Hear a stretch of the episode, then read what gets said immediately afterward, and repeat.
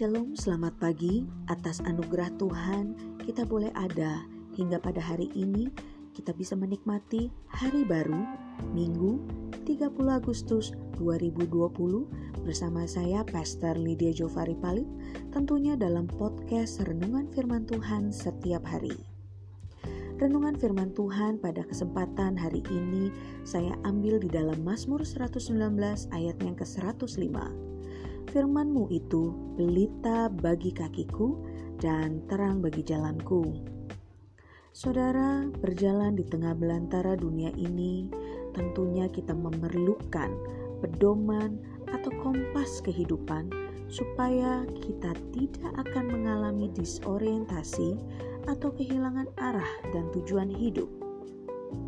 Di saat pikiran kita gelap karena rupa-rupa masalah kehidupan, firman Tuhanlah yang mampu menerangi dan memberikan jalan keluar.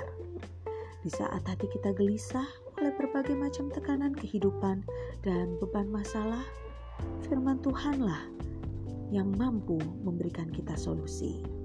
Untuk itu saudara, berpegang teguhlah pada sabda kebenaran firman Tuhan.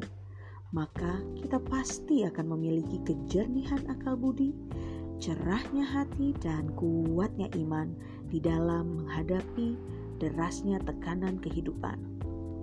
Ingatlah saudara, Tuhan Yesus selalu hadir di dalam sabdanya.